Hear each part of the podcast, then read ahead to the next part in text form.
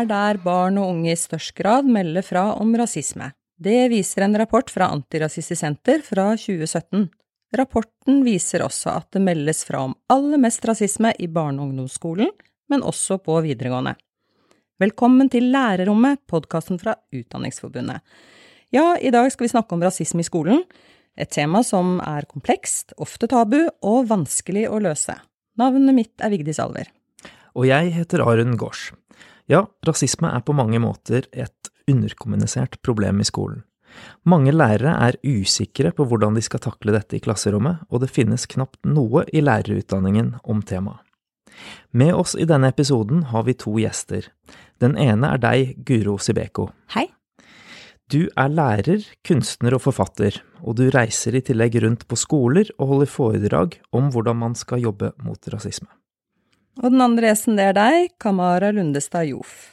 Hei, hei. Du er scenekunstner, du er dramatiker, og du er forfatter av den ferske boka Eg snakkar om det heile tida. I den skriver du om rasismen du stadig opplever. Og du skriver også om rasistiske opplevelser i oppveksten din. Hva var ditt aller første møte med rasisme?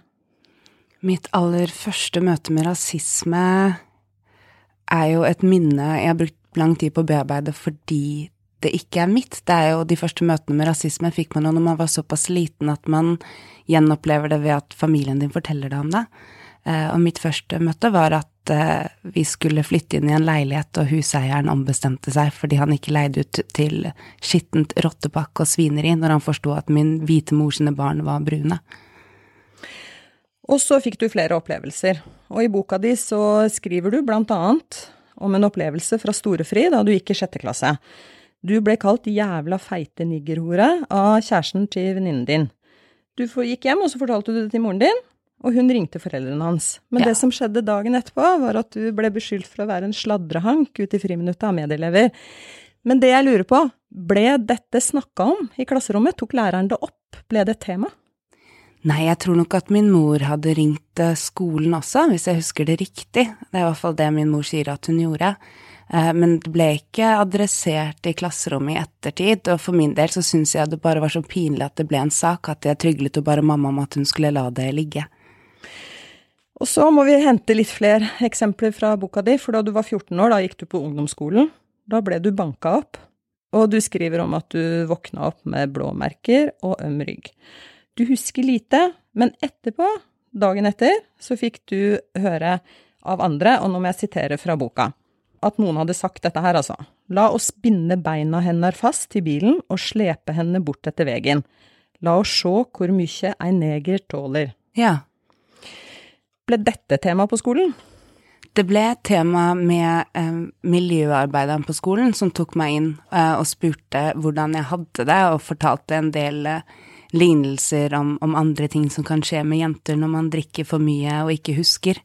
Eh, men det ble nok ikke bearbeida som en ren rasistisk hendelse. Det ble vel behandla mer som en fylleepisode blant ungdom. Hva tenker du om det i dag? Jeg tenker at det er urovekkende vanlig eh, for eh, ungdommer nå i dag, men også ungdommer i min generasjon, og jeg vil tørre å påstå i Guros generasjon også, hvor mye man måtte forholde seg til høyreekstreme og neonazister på fest i den tidsperioden, i den aldersgruppa man er i som tenåring, og hvor lite adressert det er både på skolen og blant foreldre og blant klassekamerater. Det kjenner jeg meg også veldig igjen i. At uh, en av grunnene til at jeg uh, veldig tidlig ble en del av et miljø som var veldig venstreradikalt, og, og etter hvert ble en del av Blitz-miljøet, var at det er et av de få stedene i Norge man kan være nesten trygg på å ikke treffe nynazister på fest, og det er en veldig behagelig trygghet å ha når man skal kose seg. Sebeko, du er jo lærer og står i klasserommet. Hvordan ville du ha håndtert en sånn situasjon som, som, eh, som dette som Kamara forteller om? Snakker vi om den andre episoden nå? For så vidt uh, begge deler. Ja, altså, for det er, det er, to ganske forskjellige ja. episoder. Den, e, ene episoden hører bare hjemme på skolen og skal bare håndteres på skolen. Uh, mens den andre hendelsen er jo grov kriminalitet. Som en lærer ikke egentlig har anledning til å håndtere på egen hånd. Der skulle jo hele skolen vært involvert, og rektor skulle vært involvert, og jeg tenker jo at at moren til Kamara burde fått støtte på å anmelde dette til politiet. Fordi den type kriminalitet er det bare politiet som har både myndighet til og anledning til og kunnskapen til å håndtere. Det er viktig at vi i skolen ikke, ikke prøver å gjøre mye mer enn det vi kan, da. Eh, men den første episoden er jo noe som helt klart burde vært tatt internt på skolen. Ja, feite niggerhoret i Ja. eh, friminuttet. Ja. Og så er det veldig vanskelig å si sånn ville jeg gjort det. Eh, Jeg kjenner ikke tolv år gamle Kamara, jeg kjenner ikke denne tolv år gamle gutten, vet ikke hva han har bruk for og behov for, hvorfor eh, han kunne finne på å, å si en sånn ting, hva ligger bak det. Men jeg ville jo tenke at det var mitt ansvar som hans lærer å sørge for at det ikke skjedde igjen. Uten at jeg på stående fot kan si det er den beste måten å gjøre det på i akkurat den situasjonen. Men det er lærerens ansvar, og det er skolens ansvar. Slik du kjenner skolen, eh, hvor omfattende vil du si at problemet med rasisme i skolen er i dag? Jeg vil si at problemet med rasisme i samfunnet vårt er svært omfattende, og skolen er en del av samfunnet vårt og speiler resten av samfunnet, så derfor er det også svært omfattende i skolen. Men jeg tenker ikke at skolen er et sted der rasismen vokser og gror mer enn andre steder i samfunnet vårt. Eh, Det er ikke sånn at lærere er mer unnfallende enn andre voksne, Eh, eller at eh, rektorer er mer unnfallende enn andre arbeidsgivere, eller at skoleelever er slemmere enn andre mennesker. Det, sånn virker det ikke. Mm. Men det er klart det er et stort problem i skolen. Det var eh, i denne rapporten som vi nevnte innledningsvis fra Antirasistisk Senter, så er det en historie om en, eh, om en gutt som eh, får slengt rasistiske skjellsord etter seg i klasserommet. Læreren står ved siden av og hører alt som blir sagt, men måten hun reagerer på dette, er å si at, at begge to skal være stille og oppføre seg. Hva tenker du om en slik reaksjon? Det er en helt vanlig reaksjon. Det er kjempevanlig. Jeg har faktisk flytta sønnen min fra en skole til en annen på grunnlag av den type reaksjoner, og det var ikke rasistisk. Jeg har født et hvitt barn. Men det handler om at man som lærer Det enkleste er veldig, veldig ofte å bare si Eh, nå kan vi drive konfliktløsning, eh, nå kan dere ta hverandre i hånda og bli venner, nå kan begge si unnskyld, og ikke forholde seg til at det faktisk var en som gjorde noe galt, og en som ikke gjorde det. Når man er vokst opp på den måten, som man ofte er i den norske skolen, altså hvis man har gått i norsk skole, eh, og man ikke har lært noe annet på lærerskolen, fordi at lærerskolen lærer, underviser jo ikke om dette, så vidt jeg vet, gjør ingen av studiestedene i Norge det så er det å plutselig stå der og skulle umiddelbart gripe inn, uten å ha tid til å tenke seg om først, så er det en veldig lett ting å gå til. Og så tenker man ikke over at det man faktisk gjør da, er at man ber noen om å si unnskyld for at de ble slått, si unnskyld for at de ble kjefta opp. Og jeg kunne jo ikke ha sønnen min på en skole som ba han om å si unnskyld for at han ble klort opp i hele ansiktet. Men jeg tenker at den, det at lærere reagerer sånn, er ikke fordi lærerne er rasister. Det er fordi lærerne er ubetenksomme og dårlige i jobben sin. Ubetenksomme og dårlige lærere i jobben sin, har du møtt dem? Å ja, jeg har eh, reist veldig mye rundt i Den kulturelle skolesekken eh, med kunstprosjekter, selvbiografiske kunstprosjekter hvor jeg snakker om rasisme. Jeg tror jeg har spilt for 26 000 videregående elever de siste årene. Og da har jeg etter hver forestilling en 20 minutters ettersamtale med lærere og elever om hvordan man snakker om rasisme. Hvor jeg har møtt lærere som regelrett har vært rasistiske mot meg i dialog foran elever. Lærere som har kommet bort til meg foran elevene sine og sagt at jeg var overraskende flink til å være neger. Jeg har hatt lærere som har sittet og lyttet til at elevene deres har rakt opp hånda fordi jeg har delt noe jeg har opplevd, så får de lyst til å dele noe de har opplevd. Jeg har tøffe gutter som rekker opp hånda og i et sekund blir sårbare og sier men hva gjør jeg når det skjer i klasserommet, når alle i klassen bruker disse ordene, og alle bare ler, inkludert lærerne, og så har jeg hatt lærere som har prøvd å le det bort i et plenum med 200 elever og sagt nå må du ta deg sammen, han er veldig pinglete. Det er uh, sterkt å høre. Når du, når du, gikk på skolen selv, da, møtte du sånne lærere da? Jeg har gått på mange skoler, mange barneskoler, mange ungdomsskoler. Jeg har møtt lærere som har vært så skarpe i blikket og så samfunnsengasjerte og tydelige at de har tatt meg til side, forklart meg hvordan verden fungerer og sier dette er veldig urettferdig, jeg skulle ønske du slapp å gå gjennom det her, men nå skal jeg forklare deg hvordan verden fungerer, og så skal vi prøve å håndtere dette sammen. Og så er jeg et lærere som har eh, feid det til side og sagt at rasisme eksisterer ikke i Norge, og du skal ikke komme her og ta den plassen, og det er faktisk rasistisk mot de hvite at du sier at de er rasistiske mot deg, for nå peker du på dem som en gruppe. Så jeg vil vel påstå at jeg har møtt eh, begge deler i løpet av mine år i utdanningssystemet, men nå begynner det jo å bli Jeg er 30 år gammel. Eh, 30 pluss, så det begynner å bli noen år siden jeg gikk ut. Går det an for deg å beskrive, altså boka di handler jo om det, men går det an å beskrive for deg hva rasistiske opplevelser gjennom hele livet har gjort med deg? Jeg tror uh, en av de tingene som har vært vanskeligst med å håndtere med rasismen, er å sette ord på hvordan man internaliserer det. Hvordan ved å bli utsatt for uh, nedsettende behandling, grov behandling, men også små mikroaggresjoner, altså det man kaller de små stikkene som kommer som myggstikk i løpet av uka, i løpet av dagen, i løpet av året, hvordan de har vært med på å farge hvordan jeg ser på meg sjæl. Eh, mitt eget selvbilde, men også hvordan jeg ser på andre brune mennesker eller andre sorte mennesker, basert på hvordan jeg blir sett på. At jeg alltid unnskyldt meg selv med at jeg er ikke en av de som de snakker om, men han er sikkert det, og det er sikkert derfor jeg opplever denne diskrimineringen, fordi han er dum og brun.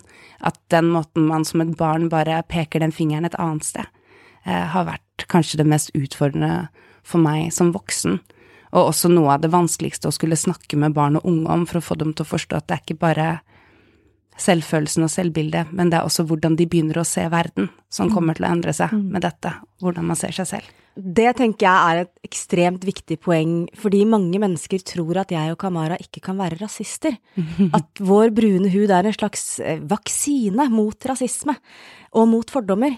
Og det er det jo på ingen måte, snarere tvert imot, fordi rasismen blir så utrolig tydelig for oss, og fordi vi møter den så utrolig tidlig, så er det mye vanskeligere for oss enn for andre å ikke få de fordommene. Vi ser også de tingene andre ser på TV. Vi får opp bare hvite mennesker når vi søker på advokat på Google, og så får vi opp bare svarte mennesker når vi søker på kriminell. Det samme skjer med oss som med alle andre. Mm. Eh, og det er også vet jeg vanskelig for mange lærere å håndtere ute i skolen. At du har barn som ser ut som meg og Kamara, som er kjemperasistiske. Men, men tilbake til skolen, ja, Kamara. Eh, du forteller jo at du har hatt eh, alle typer lærere. Mm. Både forståelsesfulle lærere og, og lærere som, som, ikke har forstått, og heller det motsatte. Hvorfor tror du det er sånn at eh, rasisme i skolen sjelden er en del av den offentlige debatten?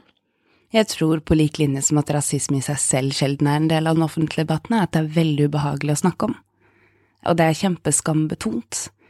Eh, og ikke bare for eh, hvis man skal gjøre det litt banalt, da, ikke bare for liksom den, den, hvite majoritetsbefolkningen som er redde for å bli anklaget for å være rasister eller som syns det er ubehagelig, men også for menneskene som blir utsatt for rasisme, er det veldig skambetont å snakke om fordi man innerst inne tenker kanskje det bare er meg kanskje det egentlig er jeg som har problemet her, istedenfor å forstå at det er et samfunnsproblem, at det er et strukturelt problem. Jeg tror at en av grunnene er at det er veldig, veldig skambetont. Og så er en av de andre grunnene at jeg opplever at mange lærere er veldig redde for å skulle være rasistiske ved å ta det opp, at den måten man, man, mangler et språk, et begrepsapparat til å kunne mm. adressere disse problemene uten å skape mer splittelse i klasserommet. Så det de prøver å gjøre, er å bare late som at alle er samla.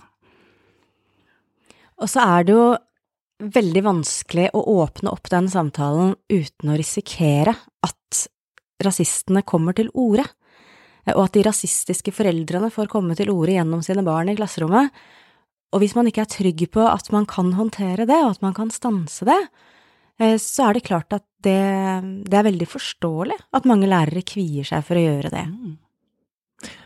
Sibeko, jeg vil tilbake igjen til lærerne i skolen. Har du selv opplevd lærere med fordomsfulle holdninger mot barn med etnisk minoritetsbakgrunn?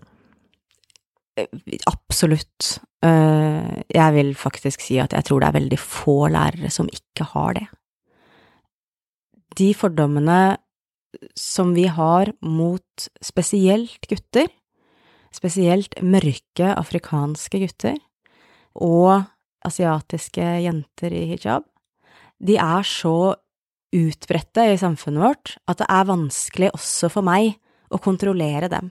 Det er vanskelig for meg å se en gutt som ligner min egen bror, og ikke ha de fordommene med meg i bakhodet og i ryggmargen.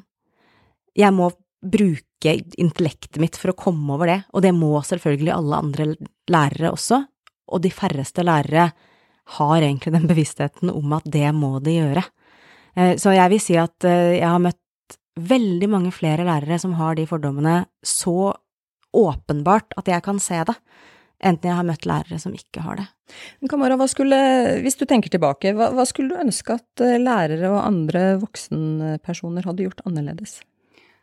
Jeg skulle ønske at Altså, det er lett å si at jeg skulle ønske at de var mer ærlige mot meg eh, når de i klasserommet skulle fortelle oss alle at vi alle kunne bli hva vi ville, og hvordan vi skulle gå ut i verden og bli møtt. Jeg skulle ønske at de forberedte meg på det. Men jeg tror rett og slett at det handlet ikke om ærlighet fordi de visste ikke. Lærerne hadde rett og slett ikke kompetanse, kunne ikke engang se for seg at jeg skulle bli behandlet annerledes mm. utenfor skolen, for de klarte ikke engang se at jeg ble behandlet annerledes i skolen. Uh, så jeg skulle nok ønske at uh, at lærerne hadde lest seg opp på, på forskning og lært seg å se koda språk, og lært seg å adressere sine egne fordommer før de prosjekterte dem på meg og på broren min, og jeg tror kjønn er en kjempefaktor der. På hvilken måte? Jeg tror kjønn er en kjempefaktor i, i den forstand at uh, sorte unge menn blir lest som aggressive lenge før de hvite guttene blir det, lenge før de hvite jentene og de brune jentene blir det. Uh, jeg tror at jeg ofte har blitt hyllet akademisk når jeg gikk på ungdomsskolen fordi alle så det som at jeg hadde brent hijaben min i forgårs og nå satt her og frigjorde meg selv i en samfunnsfagstime, mens min bror han tok altfor stor plass eh, og skulle hevde seg fordi han var nok undertrykkende. Så jeg tror nok at disse liksom veldig stigmatiserende stereotypiene vi har i samfunnet, følger oss inn i klasserommet og gjør at eh, man ikke har samme utgangspunkt for å få lov til å lære. Og jeg tror også at det å aldri se seg selv reflektert i et pensum, det å aldri lære om noen ting om Afrika utenom slavetiden, det å ikke snakke om noe annet enn undertrykkelse i forbindelse med svarte kropper, gjør jo også at du ikke ser deg selv reflektert i noen av eksemplene, i noen av litteraturen man bruker, i norskundervisningen, i poesien, det at du er helt usynlig i alle de store tingene du skal lære om gjør jo også at du føler deg usynlig i klasserommet. Og det er jo interessant at det eneste man har på pensum om Afrika, er slavetiden, samtidig som det man klarer å unngå å si, er at nettopp de fordommene du snakker om nå, det at eh, unge svarte menn er aggressive, for eksempel, mm. det er jo fordommer som strekker seg direkte tilbake til eh, slavehandlernes argumenter for å kunne handle med slaver. Forklaringen på hvordan disse negrene var annerledes enn mennesker og det at eh, hannene da var svært aggressive, mens hundene var svært tidlig modne, sånn at det å begynne å voldta dem i tolvårsalderen var helt i orden. Det er jo den type fordommer som vi nettopp ser igjen i det at uh, svarte unge menn i dag blir lest som aggressive veldig tidlig, mens svarte unge kvinner blir lest som voksne veldig, veldig tidlig. Og det finnes mange akademiske studier på hvordan eh, svarte jenter blir behandla som om de var flere år eldre enn sine hvite jevnaldrende, eh, allerede fra 10-11-årsalderen. Jeg tror også at når det kommer til pensum, så er det noe med at vi i undervisningen veldig fort sporer av når vi snakker om svarte menneskers rettigheter, når vi snakker om borgerrettighetsbevegelse, så kommer vi både i skolesystemet i pensum, men også i det norske samfunnet veldig fort inn på eh, amerikanske eksempler, britiske eksempler, franske eksempler, når vi har så utrolig mange eksempler i vår egen norske, skandinaviske, nordiske historie om vår egen involvering i den transatlantiske slavehandelen, som var 112 000 svarte kropper vi fraktet fra Vest-Afrika sammen med Danmark eh, og etterfølgerne av det.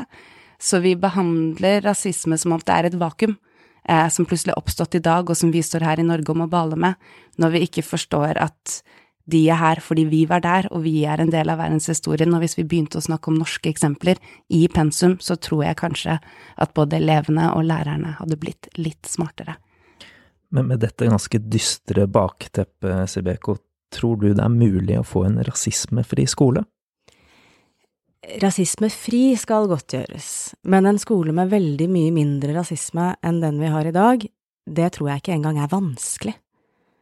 Eh, det må en innsats til, men jeg tror at vi har en skole i dag hvor de aller, aller fleste lærere og de aller fleste skoleledere og de aller fleste elever ønsker seg en rasismefri skole, og det er jo et veldig godt utgangspunkt for å gjøre den jobben som skal til, men det må en kompetanseheving til, spesielt da for lærerne. Ja, og med de ordene om kompetanse, og også et litt eh, optimistisk eh, framtidsperspektiv, så avrunder vi denne episoden av Lærerrommet. Men vi håper at denne samtalen kan fortsette et annet sted. Vi takker gjestene våre Guro Sibeko og Kamara Lundestad Jo for en nyttig samtale om et svært komplisert tema. Vi håper du abonnerer på Lærerrommet og forteller om podkasten vår til noen du tror vil ha nytte av den. Og vi lover å komme tilbake om ikke lenge med en ny episode med nye gjester og interessante tema. Ha det bra. Ha det godt.